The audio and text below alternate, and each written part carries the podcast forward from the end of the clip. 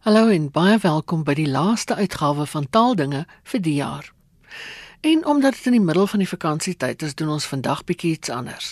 Die hele jaar praat ons oor taalverskynsels en taalfoute en taalpolitiek. Vandag iets heeltemal anders. Die Hertzogpryswenner Marlene van Niekerk het iewers geskryf: "Wat ons tot mense maak, is woorde." Ek het 'n paar mense gevra oor woorde wat vir hulle mooi of besonders of betekenisvol is of wat op die oomblik hulle gunsteling woorde is. Ek het die geliefde akteur Johnny Klein in Betty's Bay opgespoor. Op hierdie stadium Ina is my woorde as strand, aspres en opsetlik. Ek weet as uh, aspres en opsetlik is eintlik twee sinonieme van mekaar. Is ek reg? Jy's reg, ja. Van hulle hulle hulle beteken eintlik maar dieselfde. So as jy ietsie aspres doen, doen jy dit eintlik opsetlik ook. So dis vir my baie mooi in jy opsetlik. Die ja. net net die woord gebruik. Dit is so lekker op my tong en dis hoekom ek so baie van dit hou. En dan as strand. Ek het in hierdie week, ek dink so 2 2 dae terug, toe ek my Facebook bladsy oopmaak, toe lees ek ietsie wat Alita Steenkamp van afrikaans.com op Facebook gesit het op haar op haar bladsy nou. En sy daar geskryf nie deurkrag nie, net 'n poging om die astrante pestilensies ook genoem muskiete te verdryf. Dit tog ek ah, dis net so toevallig. Ina het vir my gevra wat is my gunsteling woord en toe stuur ek dit deur astrant en toe skryf sy nou ietsie oor astrant en sy het nou nog ietsie bygesit die pestilensies woord ook. So toe besluit ek sommer ek gaan sommer nou vir haar aanhaal. Ek het gelukkig vir haar gevra kan ek dit doen? Toe sê sy ja. So toe besluit ek okay, dan is my woorde nou astrant en sommer pestilensies ook. En as strand moet ek nogal ek het nou rondgevra hier in Betty's Bay waar ek kuier. Wat beteken as ek nou moet as strand beskryf aan iemand? Hoe sal ek dit nou beskryf? En ek weet wanneer om dit te gebruik, maar ek weet nie hoe om dit te verduidelik aan iemand nie. Jy sê iemand vir my, ag man, dit beteken maar eintlik dieselfde as spiteful, as iemand spiteful gewees het met jou. Dis ek sê, "O ja, dis dis dis 'n goeie verduideliking, maar nou is jy spiteful woorde, Engelse woord, maar ek dink dit sal seker maar ook reg wees vir die luisteraars. Dan hulle sal daarom seker ook beter weet wat beteken dit dan. As ek nou sê uh, as strand beteken spiteful. Maar ina dis my mooiste woorde op hierdie oomblik. As strand, as prins en opsetlik. En dan natuurlik ook die woordjie wat Alita op Facebook gesit het, pestilensies. Wat is dit aan hierdie woorde wat wat dit jou gunsteling maak op hierdie stadium? Hulle sit net lekker op my tong dis ek dink as jy dit met pestilensies.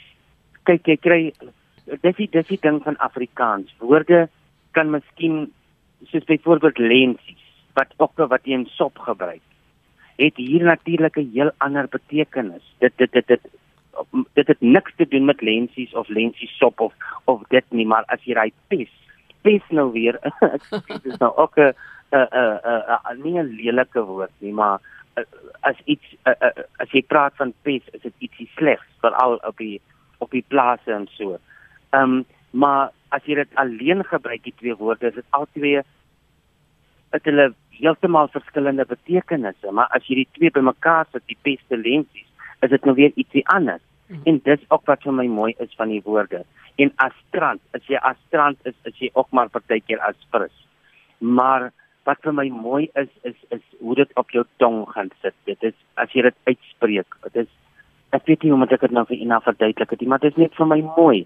Ek weet in by afrikaans.com en by, op my Facebook Johnny Klein kunstenaar staan daar op Afrikaans dit verskriklike mooi sê goedjies. En hier's weer eens 'n bewys vir myself hoe mooi Afrikaans is en hoeveel sê goedjies daar is in so spesialenties is vir my so mooi. Astrand is vir my so mooi. Ja, ek weet nie hoe om dit te verduidelik. Dit sit net lekker op die tong. Hier kom so hier eh, hier by die koffiewinkel waar ek nou uithelp vir die vakansie. Kom hier nou die dag eh, 'n uh, Nederlandse vrou in en ek praat net met haar Engels en ehm um, sy verduidelik toe vir haar man in Nederland en ek vra dit vir haar o, o ekskuus tog julle praat eintlik Afrikaans. Nee, nee, uh, Nederlands. So nou daar praat. Ek sê nou, okay, dan kan ons eintlik ons maar met almekaar. Jy kan met my Nederlands praat, ek praat ek ook jou Afrikaans en toe gebruik sy ook woorde wat nogal ek kan nou nie die woord onthou wat sy gebruik het nie. Ehm um, o, spinasie, spinasie. Ja. ja. Die spinasie ook in in Nederlands bly spinasie, maar hoe dit net uitgespreek het, was vir my ook net baie mooi geweest. En ja, dis maar hoekom ek so baie van Afrikaanse sê goedjies hou omdat dit vir my net mooi klink op die oor ook. Nou jy het die laaste tyd veral bekendheid verwerf oor jou Sandveld stories. Is dit ja? oor die taal wat vir jou so lekker is? Wat wat is dit aan daai stories wat vir jou so lekker is? En na streekstaal is vir my baie mooi in Afrikaans en ek dink ek is nou nie 'n taalkundige nie, so ek weet nou nie, maar ek dink is net in Afrikaans waar jy so baie streeks taal het, streeks uh, aksente kry in Afrikaans en in elke streek praat hulle 'n ander tipe Afrikaans. Nou nie 'n ander tipe Afrikaans nie, maar hulle gebruik ander woorde.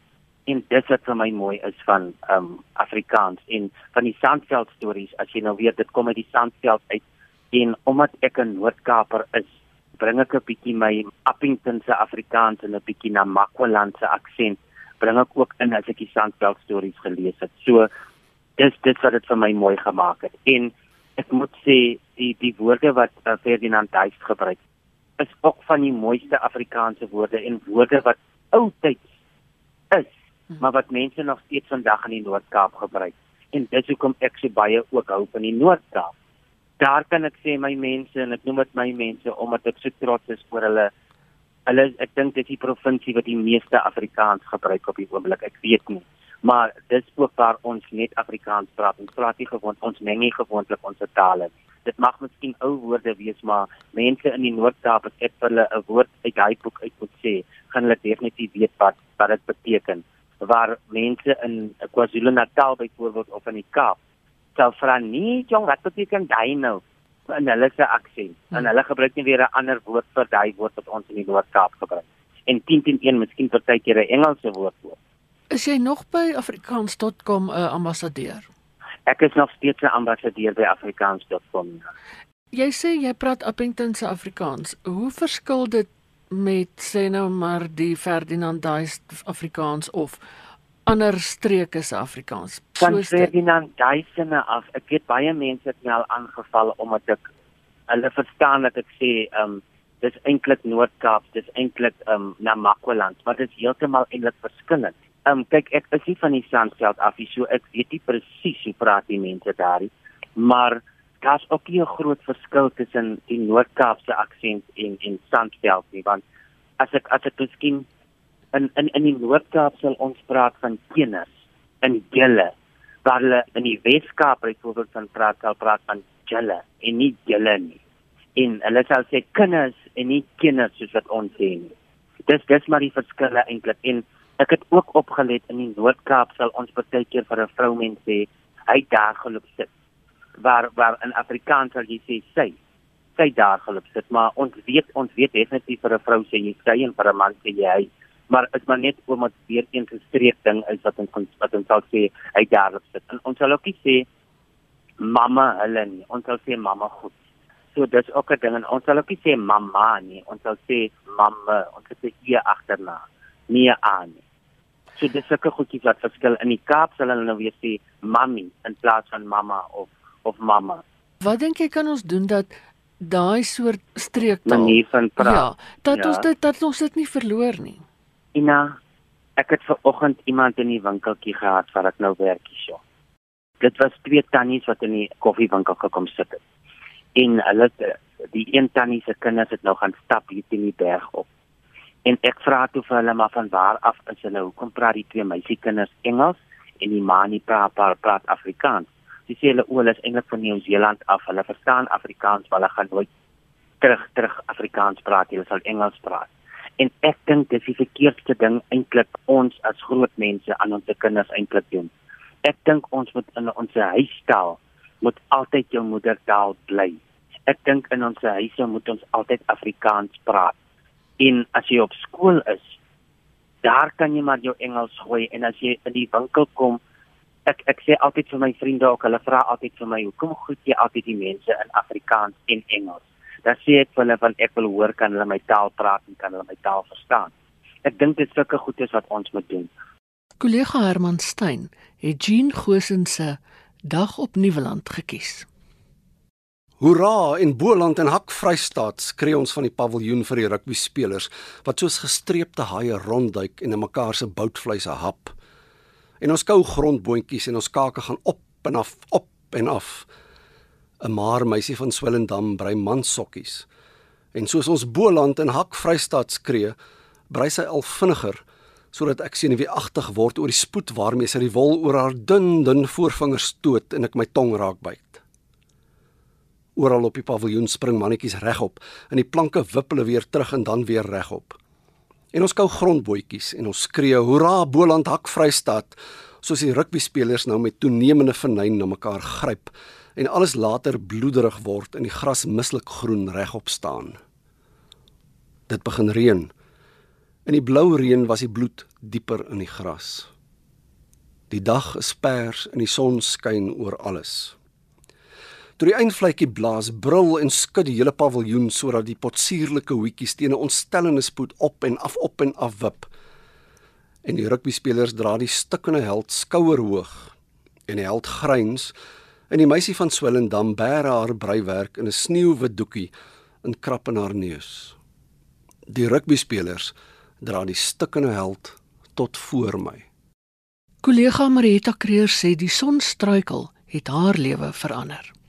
Ek lees graag 'n stuk voor uit Die son struikel van Dolf van die Kerk. Ek het die voorreg gehad in my matriekjaar om dit as 'n voorgeskrewe werk te behandel.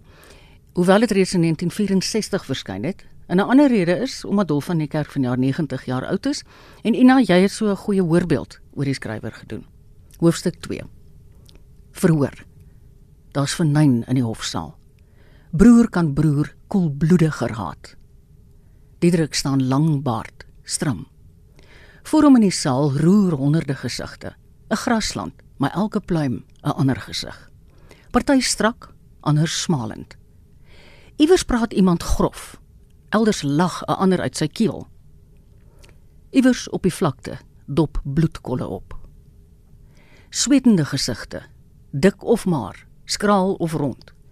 Nuuskierige vernyn, plesierigheid wat verag. En skielik oor die gesigte weet Diederik hoe 'n mens sommer net kan haat. Die regter praat Hulle lei hom weg, terug na die grys koker van sy sel.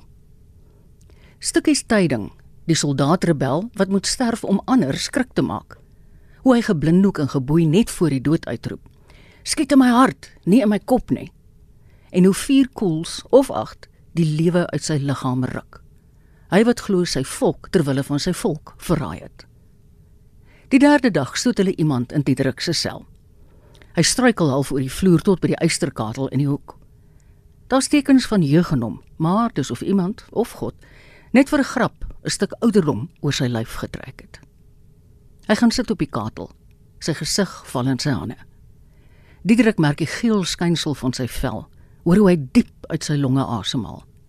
Na 'n ruk lê die sel vol van 'n vreemde, soet, afstootlike reuk. Naderhand neem die vreemdeling sy hande van sy gesig af weg. Sy lippe is gebars, geswel.